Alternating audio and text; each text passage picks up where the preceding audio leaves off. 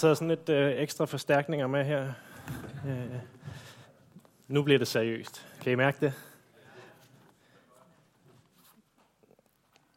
Jeg kunne måske lige starte med at fortælle, hvem jeg er. Det er måske ikke alle, der kender mig. Jeg er kommet herinde i en 11-12 år. Øh, og har ikke rigtig stået heroppe før, men har fået lov til at stå inde ved siden af, når vi har lavet ungdomsmøder og, og været med til at tjene i, i den forbindelse. Øh, jeg er også ansat herinde som pedel, så det er også mig, der nogle gange går sådan og fejrer lidt øh, rundt omkring i, i krogene. Øh, og jeg er blevet spurgt af Jørgen. Øh, det er ikke første gang, han spørger mig. Han har spurgt mig, jeg tror, en ja, 12-13 gange eller noget, om, om jeg vil tale. Og hver eneste gang har svaret været, nej, nah, hvorfor, hvorfor skulle jeg dog det? Øh, og han har spurgt mig, tror jeg, de sidste øh, fire gange, om, øh, om jeg havde lyst til at tale. Nej, det har jeg da måske egentlig ikke, når du spørger på den måde. Øh, og sidste gang han så spurgte, der spurgte han, øh, skal du noget den her søndag? Øh, og det var for en, en del måneder siden, så jeg havde ikke rigtig nogen undskyldning. Øh, og kunne ikke rigtig smyge mig udenom. Så har jeg fået lov til at tale her i dag. Og jeg er ikke helt uden lyst til at stå her. Jeg har fået lagt noget på hjertet, som jeg tror, jeg skal dele. Øh, og jeg tror, at vi, øh, vi alle sammen kan være enige om, uanset hvem der står her, så, så er Gud stor nok og har kærlighed nok til, at det, der kommer ud, det er brugbart. Øh, jeg tror på, at hvem som helst kunne stå her og være inspireret af Gud. Ja, skal vi se om... Ja, jeg ved ikke med jer, men jeg har det en gang imellem sådan, at jeg synes alt er godt og rart, og jeg kan se Gud. Øh, jeg kan se ud, og jeg kan finde mening i tingene. Og det er lidt den her fornemmelse, jeg har, at, at alt ser overskueligt ud. Jeg kan ligesom rumme, rumme det. Øh, og sådan har jeg det ofte. Men lige så ofte, så har jeg det sådan lidt mere toget. Jeg synes ikke rigtigt, at jeg kan se, hvad der egentlig er meningen, eller hvad der egentlig er, øh, hvad det egentlig er, Gud han vil. Og det er lidt den her følelse eller fornemmelse, jeg sådan vil adressere i dag.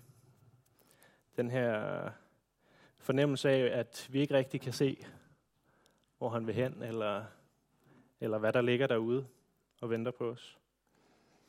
Øh, jeg vil gerne, at vi skal kigge på på en del af Gamle Testamente, og at vi skal kigge på en historie om Josef. Og I må gerne, hvis I har bibler med, at tage dem frem.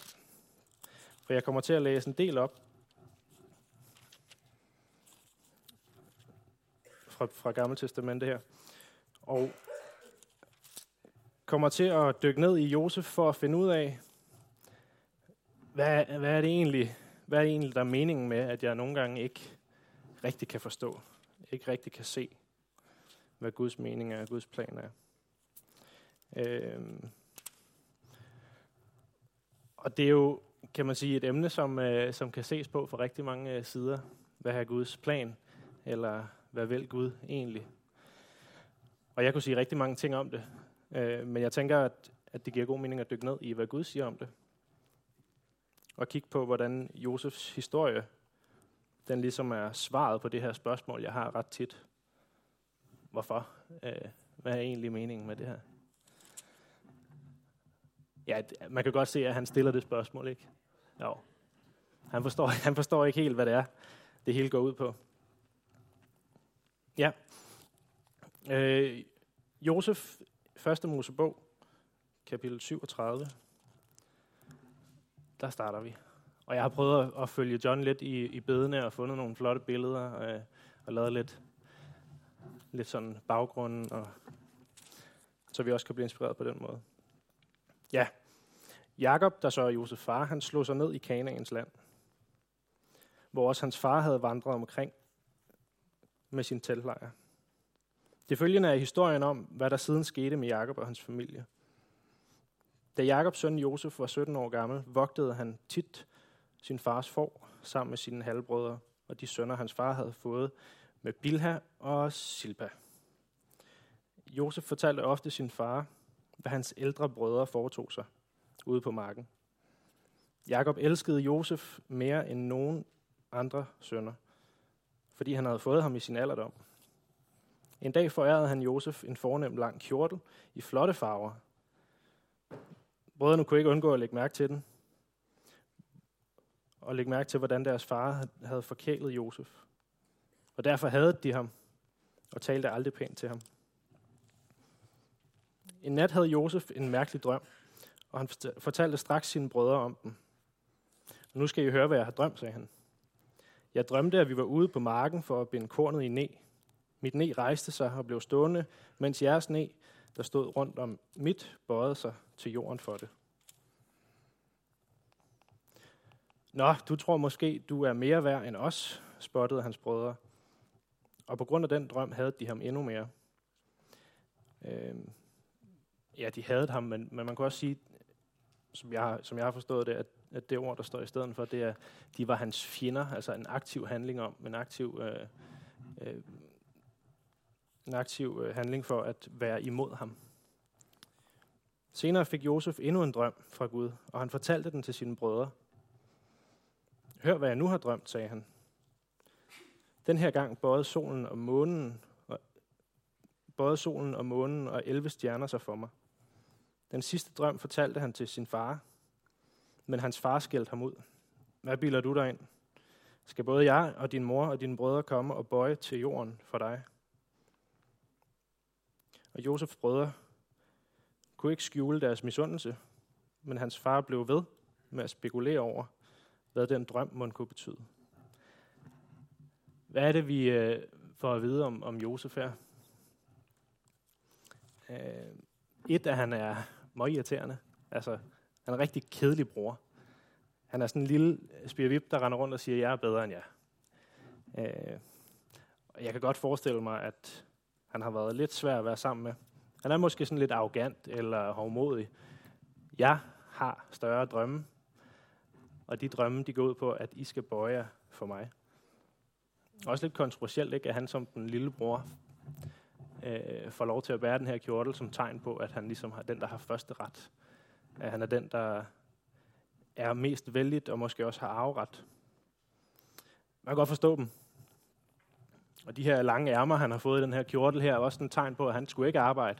Man kan jo ikke arbejde med lange ærmer, vel nede i sølet og mudder øh, med forerne. Og, så han, han havde fået den lange, og de havde fået sådan nogle, forestiller jeg mig, sådan nogle korte, små strikkede veste eller noget andet. Og jeg, jeg vil nok også være misundelig.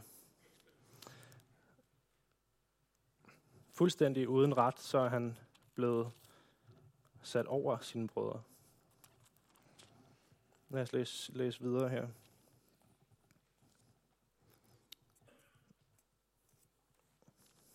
Kort efter tog Josefs brødre afsted for at vogte deres fars forflokke ved Sikhem. Da de havde været borte i nogen tid, sagde Jakob til Josef, dine brødre er i Sikhem med forne, tag ud og se, hvordan det går med dem, og hvordan dyrene har det, og kom så tilbage og fortæl mig det. Det skal jeg nok svare, far, svarede Josef. Så tog han afsted fra lejren i Hebrondalen og kom til Sikhem. Der var en mand, der lagde mærke til, at han gik rundt omkring på sletten. Hvad leder du efter, spurgte manden. Mine brødre og deres får, svarede Josef. Har du set noget til dem? Ja, sagde manden. De er for længst brudt op herfra. Jeg hørte dem sige, at de skulle til Dotan, eller Dotan. Så fortsatte Josef til Dotan, hvor han ganske rigtigt fandt dem. Da Josefs brødre fik øje på, hans, på ham langt borte, snakkede de indbyrdes om, hvordan de kunne få ham slået ihjel. Se, der kommer drømmeren, var der en, der udbrød. Kom, lad os slå ham ihjel, sagde en anden. Og bagefter kan vi smide livet i en af de udtørrede brønde og sige til vores far, at han er blevet et af et rovdyr. Se, så er det i hvert fald slut med hans drømmerier. Øh, man kan godt mærke, at der er lidt fjendskab, ikke? eller der er, der er en lille smule imod Josef. Og jeg, jeg tror i virkeligheden, at, at det giver god mening. Jeg tror også selv, jeg vil have, have svært ved at holde af en så irriterende bror. Øh, det ved jeg ikke. Jeg har ikke nogen yngre brødre, som er så irriterende, men, men jeg kan forestille mig det.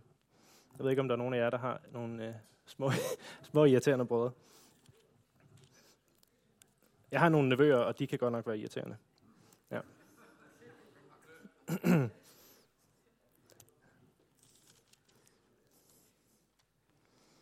ja.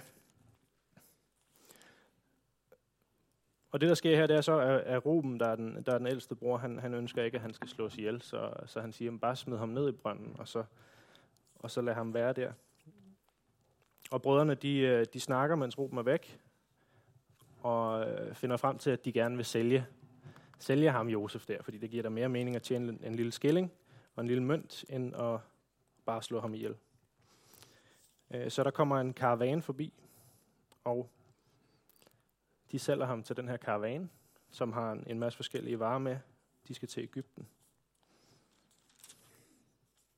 Og faren bliver selvfølgelig stik tosset. Øh, han øh, går i falder i sov, og alt er frygteligt. Øh.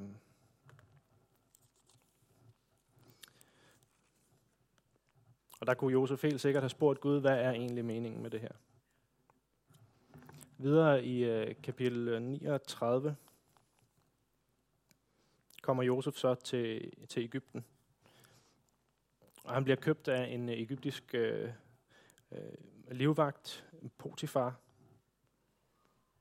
Og hos Potifar, der, der får han lov til at tjene. Han får lov til at, at være med på arbejdet der under Potifar. Og fordi at Herren han var med Josef, så velsignede Gud arbejdet, og alt lykkedes for ham. Og Potifar han indså, at han havde lige brug for den her velsignelse, så han satte ham til at have styr på alt i hans hus. Han blev herre over alt. Undtagen det eneste Potifar selv skulle holde styr på, det var den mad, han spiste. Og det virker sådan ret nemt og lige til. Og Josef han var en øh, lækker fyr, en rigtig øh, charlatan. Han øh, var velbygget og så godt ud. Og inden længe, så øh, ham her Potifars kone, så så hun, at ja, jeg vil da gerne have et stykke af den kage der. Og hun prøvede indad over flere omgange, ligesom at få, få krogen i, i Josef, og få fat i ham. Og han sagde nej. Og hun prøvede igen, og hun prøvede igen, og hun prøvede igen. Og til sidst, der, øh, der oplever Josef, at han kommer ind for at skulle arbejde i huset, og hun har sikkert stået sådan på lur, ikke? Nu kommer han. Øh, og så hoppet på ham. Du skal ligge med mig. Og det er gået så vildt for os, at øh, Josef han har mistet sin, mistet sin ja, overtrøje eller kjortel. Ikke? Den har hun flået af ham. Og hun beskylder Josef for, at han ville ligge med hende, og fortæller Potifar, at Josef prøvede altså at, at begribe sig på hende eller lave overgreb. Og Josef kommer i fængsel.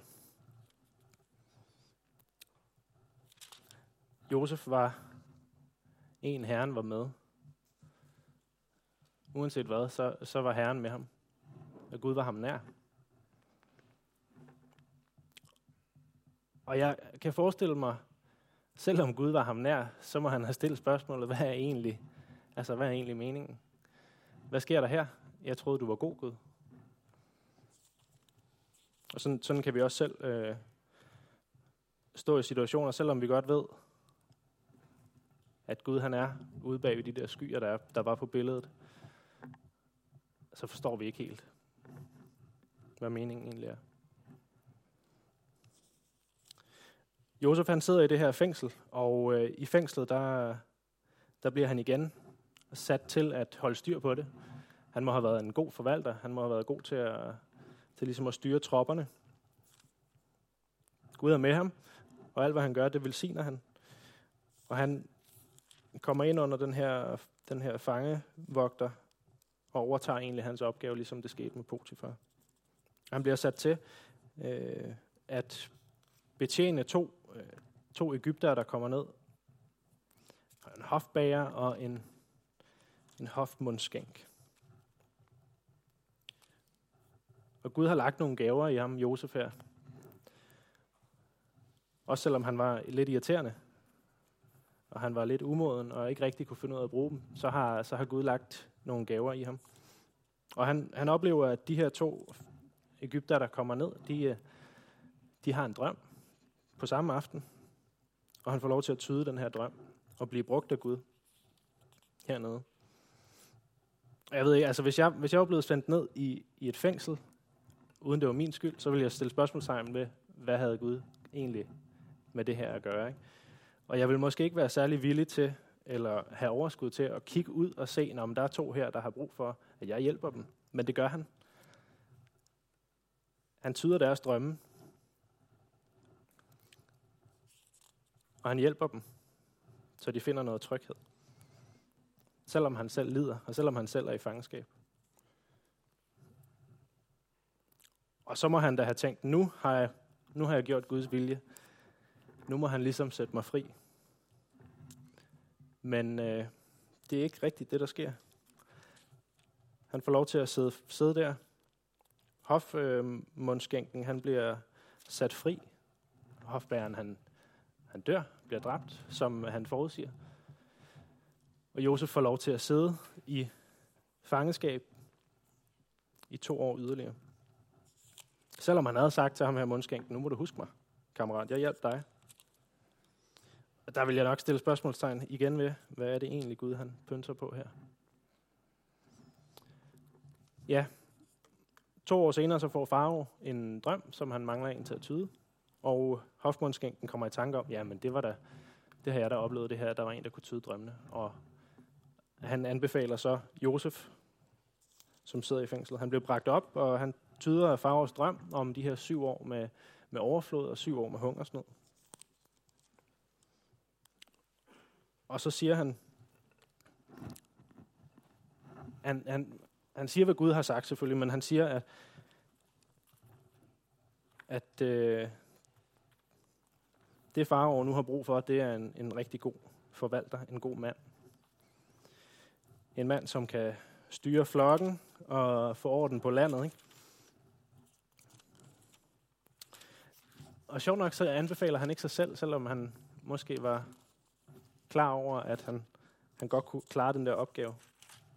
Det synes jeg egentlig er lidt bemærkelsesværdigt, at han ikke siger, hey, Gud siger, at jeg skal sættes ud af det her fængsel og hjælpe dig. Han siger, at, at han skal bruge en, en forstandig mand.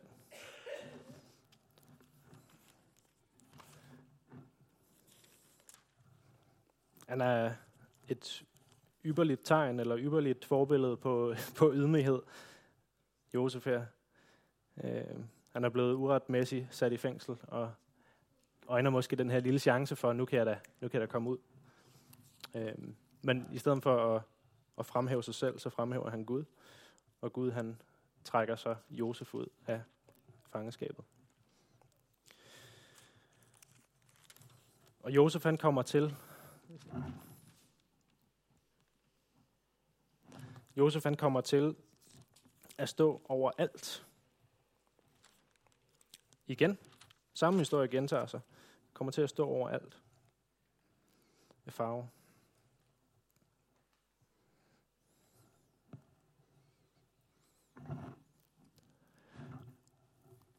Og så kunne man tænke, nu har Josef det bare godt, ikke? Nu, øh, nu har han fået øh, topjobbet, og han har fået øh, sin frihed, og han har fået det rigtig godt. Han har fået mulighed for at drikke alt muligt lækkert vin fra far sikkert, og øh, han får en kone, ikke? En sød kone, og han får børn, og, og, og man kan tænke, at Josef er kommet ud af sit fangenskab, men er han, er han overhovedet det?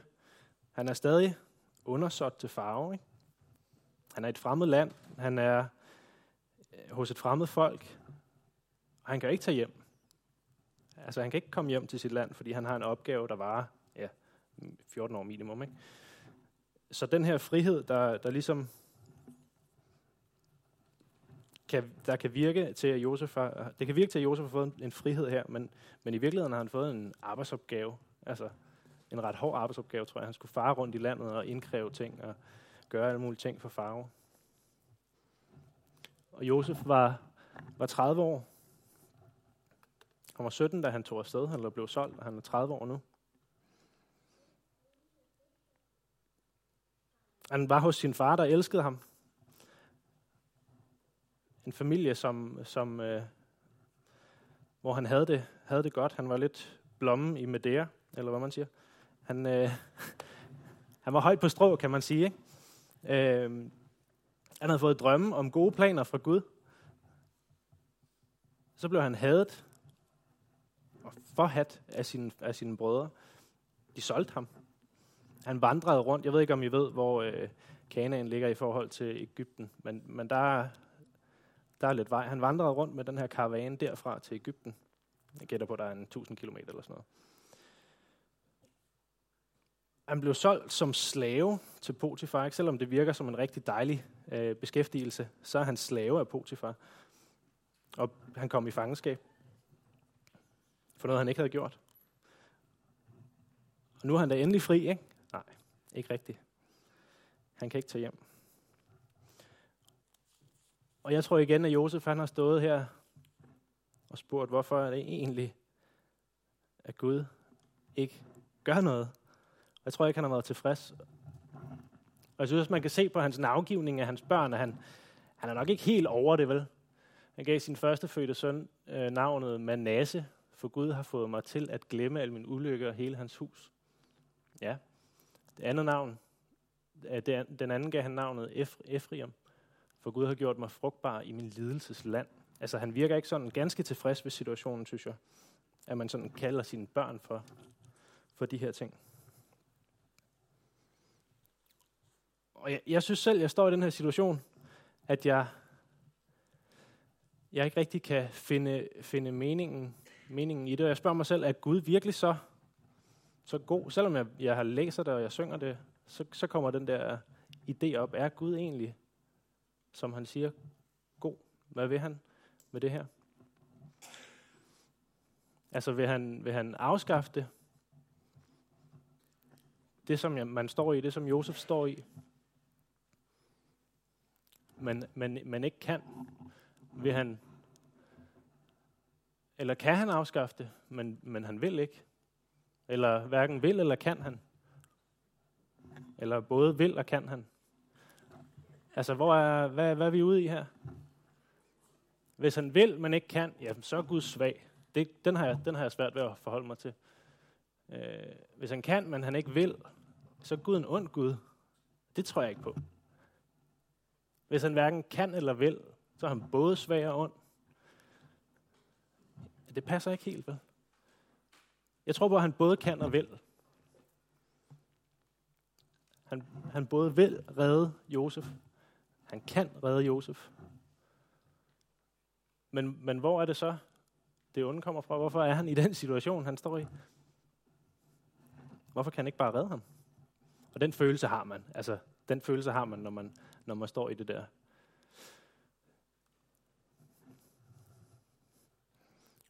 Lad os prøve at kigge på historien. Hvad sker der med Josef? Josef, han er, jeg ved ikke, om man kan kalde det slavearbejde, men jeg kunne forestille mig, at det har føles som slavearbejde. Han kæmper for at få det her til at lykkes, det her projekt Red Ægypten. Øh, og lige pludselig, selvom han har glemt, hvad der skete med, med brødrene, så lige pludselig så ser han dem. De kommer, fordi den hungersnød, der er blevet forudsagt, den har nået ud over Ægypten, den har nået ud til hele verden. Der har nok været en, øh, en øh, tørke eller en katastrofe af en eller anden art. Og de her brødre, de kommer så hen til ham. Kommer hen til selve, selve Farao og selve Ægypten. Og jeg tror, det begynder at dæmre lidt hos, hos Josef. Men jeg tror stadig, at han har den her, hvad er egentlig meningen med, med det, der sker? Er Gud ond? Er Gud god? Altså.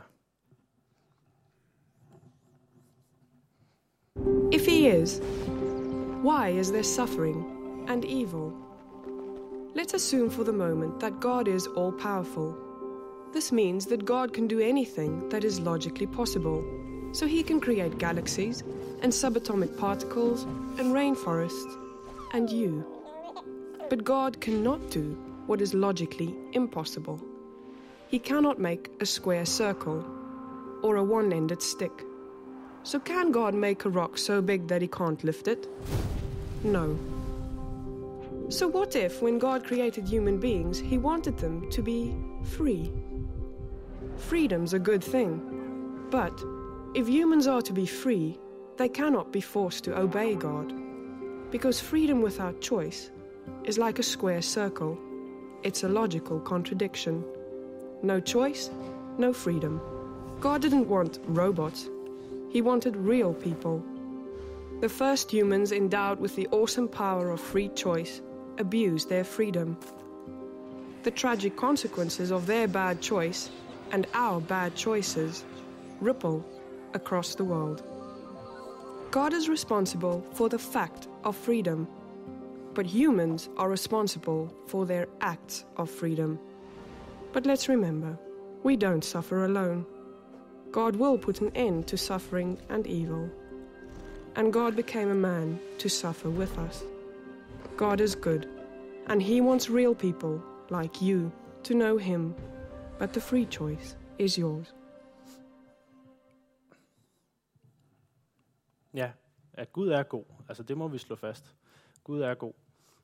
Men Gud har også sat os i et system og i en logisk verden, hvor hvis der er en, der forsynder sig, her i det her tilfælde brødrene, mod mig og slår mig ihjel, så dør jeg. Der, den, den konsekvens er der bare. Men Gud er god. Og det kan vi også se i historien her. Fordi historien ender ikke bare med at give mening, og, og at han får sine, sine brødre at se igen. Den ender med, at selveste løftet om, om, at Jesus skulle komme og frelse vores sønner, den sker igennem den familie her, som ellers ville have været udsat for hungersnød. Og det forstår Josef lidt senere. Han, jeg ved ikke, hvad han laver her i, i kapitel øh, 43-44. Han sådan putter nogle penge tilbage i nogle sække og giver dem korn, og øh, Benjamin bliver sådan anklaget for at have stjålet hans kop. Og jeg ved ikke, om det er, fordi han går og leger, eller går ikke rigtig kan finde ud af at give slip på den her hævn, eller hvad det er. Men der sker det, at brødrene og faren, de overlever hungersnøden. Og i kapitel, lad os se,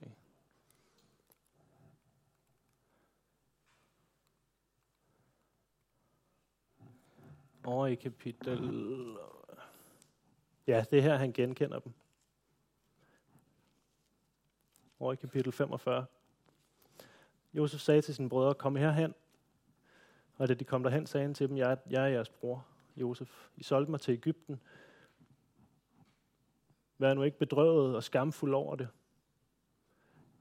Gud har sendt mig i forvejen til livets opretholdelse. Han forstår, hvad der er pointen. Han forstår, hvad der er meningen. Men det kan godt være, at han ikke helt forstår, hvorfor Gud ikke brød ind. Altså det kan, det kan vi godt. Det kan vi godt stå i. Vi kan godt forstå, at, at Gud vil os det godt. Men hvorfor gjorde, han ikke, hvorfor gjorde han det ikke på en anderledes måde?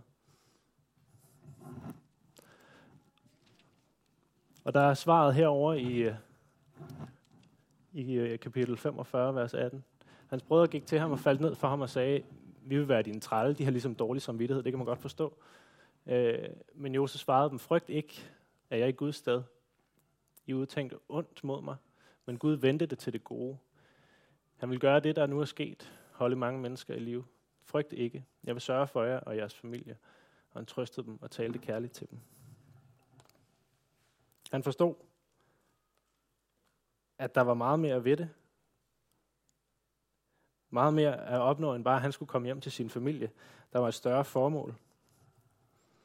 Men betyder det så, at Gud han sender Josef i prøvelsen? Fordi han vil opnå noget igennem det? Betyder det, at Gud sætter os i trængsler? Fordi at han vil opnå noget med det? Jeg har sådan en, øh, en bøn, jeg for tiden beder rigtig meget, øh, om at Gud må give mig noget glæde, og lyst til at tjene ham på en glad måde, og ikke bare på en sådan en, nu skal jeg også bare tage mig sammen og tjene. Øh, og jeg synes ikke rigtigt, jeg, jeg sådan får, øh, får den der glæde der. Jeg synes, det har været lidt trist det sidste års tid. Jeg har været lidt trist det sidste års tid. Og jeg kan ikke helt se, hvad meningen er med, at Gud ikke giver mig glæde. Han er en kærlig Gud. Han ønsker at give os gode, gode gaver. Og som vi hørte herover, han, han har tanker om lykke og ikke om ulykke. Jeg synes ikke rigtig, det giver mening, at han ikke svarer på den bøn. Altså, hvad er det, han vil? Jeg har sådan en bønnebog, hvor jeg, hvor jeg har skrevet over tiden, har skrevet bønder ned, øh, som jeg har bedt. Og nogle af de her bønder, udover selvfølgelig glæde på det seneste, har været øh, visdom. Giv mig noget visdom, Gud. Og noget øh, lykke. Og øh, jeg har bedt om, at Gud måtte frelse mig. Om at jeg måtte blive mere som Jesus. At jeg må blive bedre redskab til hans mission. En skarp økse. Øh, at jeg må være en villig tjener. At jeg må være lys og salt.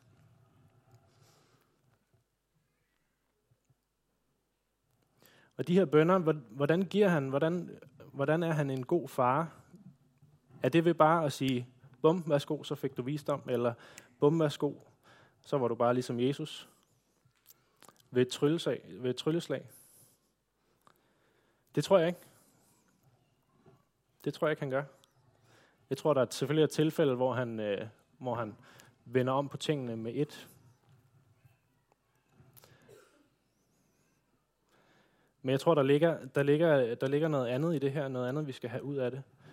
Øh, Lad os prøve at læse her. Det er fra Jakobs brev. Mine brødre, I skal kun regne det for glæde, når I kommer ud for prøvelser af forskellige slags. I ved jo, at når jeres tro prøver, skaber det udholdenhed, og udholdenheden skal føre til fuldendt værk, for at I kan være fuldkommende og helstøbt og ikke stå tilbage i noget. Men hvis nogen af jer står tilbage i visdom, skal han bede om at få den af Gud, som giver alle rundhåndet og uden bebrejdelser. Og så vil han få den. Salig er den, som holder ud i prøvelser, for når han har stået sin prøve, vil han få livets sejr, sejrskrans, som Gud har lovet dem, der elsker ham. Men ingen, som bliver fristet, må sige, at jeg bliver fristet af Gud. For Gud kan ikke fristes af det onde, og selv frister han ingen. Når man fristes, er det ens eget begær, der drager og lokker en. Og når så begæret har undfanget, sætter det synd i verden, og når synden er vokset op, føder det død. Far ikke vild, min kære børn, min kære brødre. Alle gode og fuldkommende gaver kommer ned fra oven, fra lysets fader, hos hvem der ikke findes forandring eller skiftende skygge. Efter sin vilje fødte han os ved sandhedens ord til at være første grød af hans skabninger.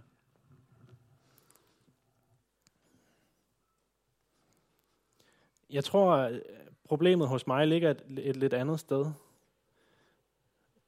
Jeg tror, det ligger i det her lidt sjove begreb at føle sig lykkelig. Øh, som jo er sådan en lidt sjov øh, konstellation, ikke fordi det er en forbigående følelse. Jeg vil gerne være lykkelig. Gud giv mig lykke. Øh, og det samme med glæde, det er også en, en, en forbigående følelse, ikke? Som, ikke, som ikke er der konstant. Det vil være underligt. Vi er dog mennesker. Og det her det her begreb, eller den her tanke om lykke, den tænker vi nogle gange, at det skal være, jamen det må være det gode liv, det må være nogle materielle goder, ikke? Og det må være, vi må have noget nydelse, øh, noget der sådan fylder os op nydelsesmæssigt, øh, et godt familieliv, det må være det, der giver lykken, eller familielivet. Øh, at vi bliver godt gift, det må være det, må være det ikke? Så har man, så har man lykken. Er det ikke rigtigt? Altså, altså godt gift betyder, at man har en ægtefælle, som, som er god ved en og sød ved en. Ja. Nej vel. eller altså, at, at man har indfriet ambitioner, eller man får anerkendelse for de ting, vi gør. Men er, er det ikke sådan en lidt mere menneskelig måde at kigge på lykke? Øh, og er det ikke en, en lidt sådan forbigående øh, opfyldelse af det her at være glad, at have lykke. Jeg tror, Gud vil os, at vi skal have det godt, og at vi skal have nydelser og materielle goder, at vi skal have et godt familieliv, og at vi skal have nogle nemme ægtefælder, eller gode, gode ægtefælder. Jeg tror også, han vil have, at vi skal sætte mål og nå de mål. Altså det tror jeg. Men jeg tror ikke rigtigt, at det her det får os ind i, i den sande opfyldelse af, af lykken. Det hører da med til et godt liv, de her ting. Og det øh, siger Bibelen der ikke noget imod. Men den, den siger heller ikke, at vi ikke skal opleve, at vi engang imellem bliver triste. Det har den ikke lovet os. Det er, det er en konsekvens. Altså. Og der er også et problem med den her jagt på at være lykkelig, eller være konstant glad, ikke? Fordi vi sætter den altid op imod et eller andet herude, for eksempel min eksamen. Når jeg har klaret den, så er jeg bare, så er jeg klar, så er jeg glad, så er jeg lykkelig. Men der kommer altid et eller andet mere. Der kommer altid en eksamen til, ikke? Altså det tager jo en krig at blive uddannet. Det tager jo hele livet, livslang læring og så videre.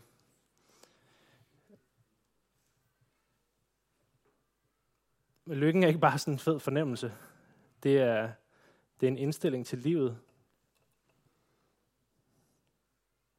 Og det er et liv, som Gud han kan give. Det gode liv. Det er ikke noget, vi selv kan mønstre os frem til. Selvom vi måske øh, kører efter det her, nu er vi vores egen lykke smed, ikke? og nu skal vi ud og, og smede os noget lykke. Så hænger det altså op på, at det er Gud, der giver os, og at vi må søge ind til ham for at finde den. Og jeg tror, at Josef han har været, som, han også, som der også står, tæt på Gud, og han har søgt ind til den. Ellers har han nok håndteret situationen anderledes. Jeg tror, jeg tror, problemet hos mig ligger i det her med at være, jeg vil gerne være tilpas, vel tilpas. Alt skal være godt, og jeg skal have det rigtig godt hele tiden. Men altså,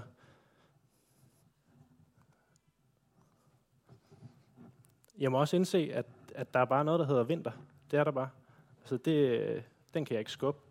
Jeg kan lave nok så meget global warming, men jeg kan ikke rigtig skubbe, øh, at der kommer en vinter.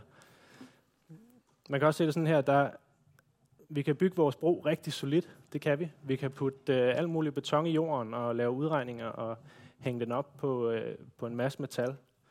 Men ligesom med Lillebæltsbroen her, altså den holder, den holder ikke evigt. Der vil komme, selvom den er bygget imod rust, og den er bygget imod storme og sådan noget, så vil der komme ravner i den. Og det tror jeg er, er med til at give noget mening. Jeg tror ikke, disciplerne havde det nemt heller, eller Paulus. I en perfekt verden, der kan vi godt sige, der er ikke nogen ulykke. Altså i paradiset, der har ikke været nogen ulykke. Der har været hårdt arbejde, det er helt sikkert, men der har ikke været pinsler. Men der er bare kommet et syndefald. Og der er kommet en vinter.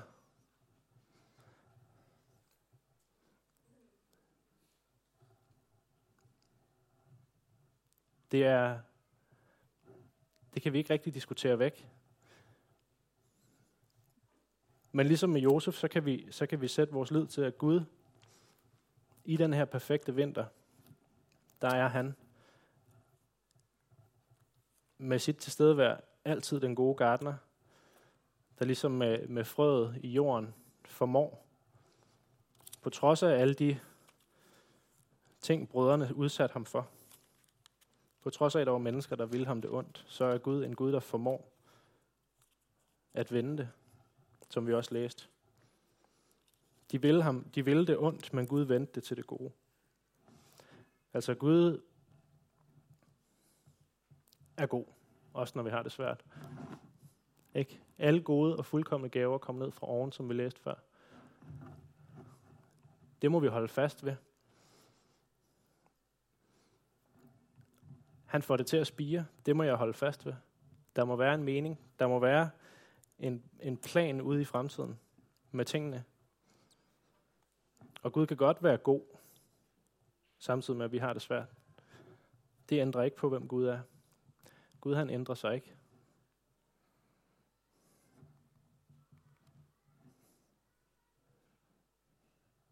Det kan godt være, at vores forhold eller billede eller opfattelse af Gud, den ændrer sig hver gang vi kommer ud fra en situation. Øh, men Gud ændrer sig ikke. Han har styr på sagerne. Han har ikke glemt os, selvom det går dårligt. Selvom det føles sådan nogle gange, at det er helt tåget, og det er svært at, at helt at se ham. Og jeg tror, det er her, jeg skal sætte ind, at det er her, jeg skal ligesom kigge på mig selv det er min tillid til Gud, der måske er problemet. Fordi uanset hvad, så er, så er Gud bag ved den her tog her. Han står der. Og det er det, vi kan bruge historien om Josef til. Ikke? At Gud, han er der. Gud, han fører ham sammen med sin familie. Og altså mere end det. Altså, der er en større mening med det. Ikke? Han, han opretholder Israel. Og sørger for, at den frelseplan, han havde, den sker. Det er ikke altid, at det, der er urart, også er noget, der er skidt eller dårligt. Det er ikke altid, jeg skal lade mine følelser bestemme, øh, hvem Gud er. Altså, han er en god gartner. Og hvis vi skal tage det der billede med gartneren, gartneren har ikke skabt vinteren, vel? Men under de vilkår, der er, under de vilkår, vi lever i, der er gartneren god nok til at få det ud af frøet, at det kan spire. Ikke at vi skal kalde vinteren sådan en velsignelse, og det bare er super fedt alt sammen, når det går dårligt, vel? for det er jo heller ikke det, er jo heller ikke det der er meningen. Men vi skal formå at have tillid til Gud, og tro på, at han vil os mere. Han vil os det godt. Ham Josef der, han var en værberyl. Ikke? Han var en irriterende møgeunge. Øh, han styrede brødrene, selvom han var yngre end dem, og selvom der står også, at han var i tjeneste hos dem. Og det var ikke Gud, der smed ham i brønden. Det var ikke Gud, der solgte ham. Det var brødrene, der handlede forkert.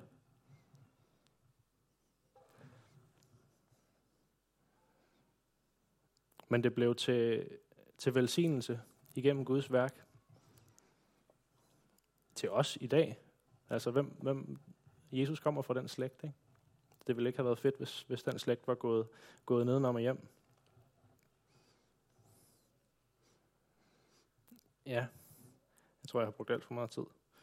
Øh, jeg vil gerne slutte af med at læse et, et, øh, et stykke, som jeg fandt lidt trøst i, og som øh, jeg synes svarede meget godt på, på de spørgsmål, jeg har, og de spørgsmål, jeg havde. Øh, det er en bøn fra en, fra en ældre mand, som har været præst i en del år. Jeg er kun glad, min Gud, når jeg er for dit åsyn. Uden midtpunkt og hvile er jeg, når jeg ikke hviler i dig. Mit væsen er på siden af sig selv, og alting synes mig kun forløbigt. Det egentlige mangler. Meningen mangler hver stund, jeg ikke er i dig, og du i mig. Og dog er jeg ofte så sent til at søge dig. Jeg vender mig rundt omkring, i stedet for at gå den lige vej frem mod din trone. Denne indre træhed er min lidelse. Jeg undres over den og forstår ikke mig selv. Det er som om sjælen bindes af verdens tyngdekraft, ligesom lamet af jordens. Men selv dine apostle var ikke så dvaske til at tro. Men selv dine apostle var jo dvaske til at tro. Og jeg synes også at finde trøst i det,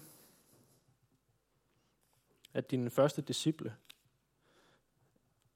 heller ikke kunne finde ud af at søge dig. Og nogle gange er jeg, er jeg bange for at, at lægge mit ansvar væk.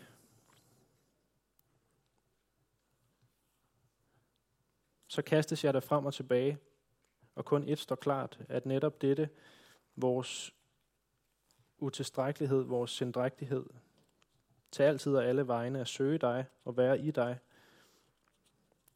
er som intet andet et vidnesbyrd om, hvor fremmedgjort vores væsen med synden er blevet for Gud. Vores væsens ophav og vores frelsesmål. Og derfor kære far, frem for alle ting, hjælp mig på dette punkt. Overvind ved din hellige ånd min træhed, min sindrægtighed. Lad din ånd ikke blot viske til mig, opløft dit hjerte til Gud, men også virke i mig hellig opløftende mod dig. Inderlig gør mig i dag og alle dage. Hjælp mig til at leve denne dag med samlet sind i dig. Når verden kalder udad, så kald du indad. Når synden drager nedad, så løft du opad. Ånd på mig igennem alt, hvad der møder mig i dag.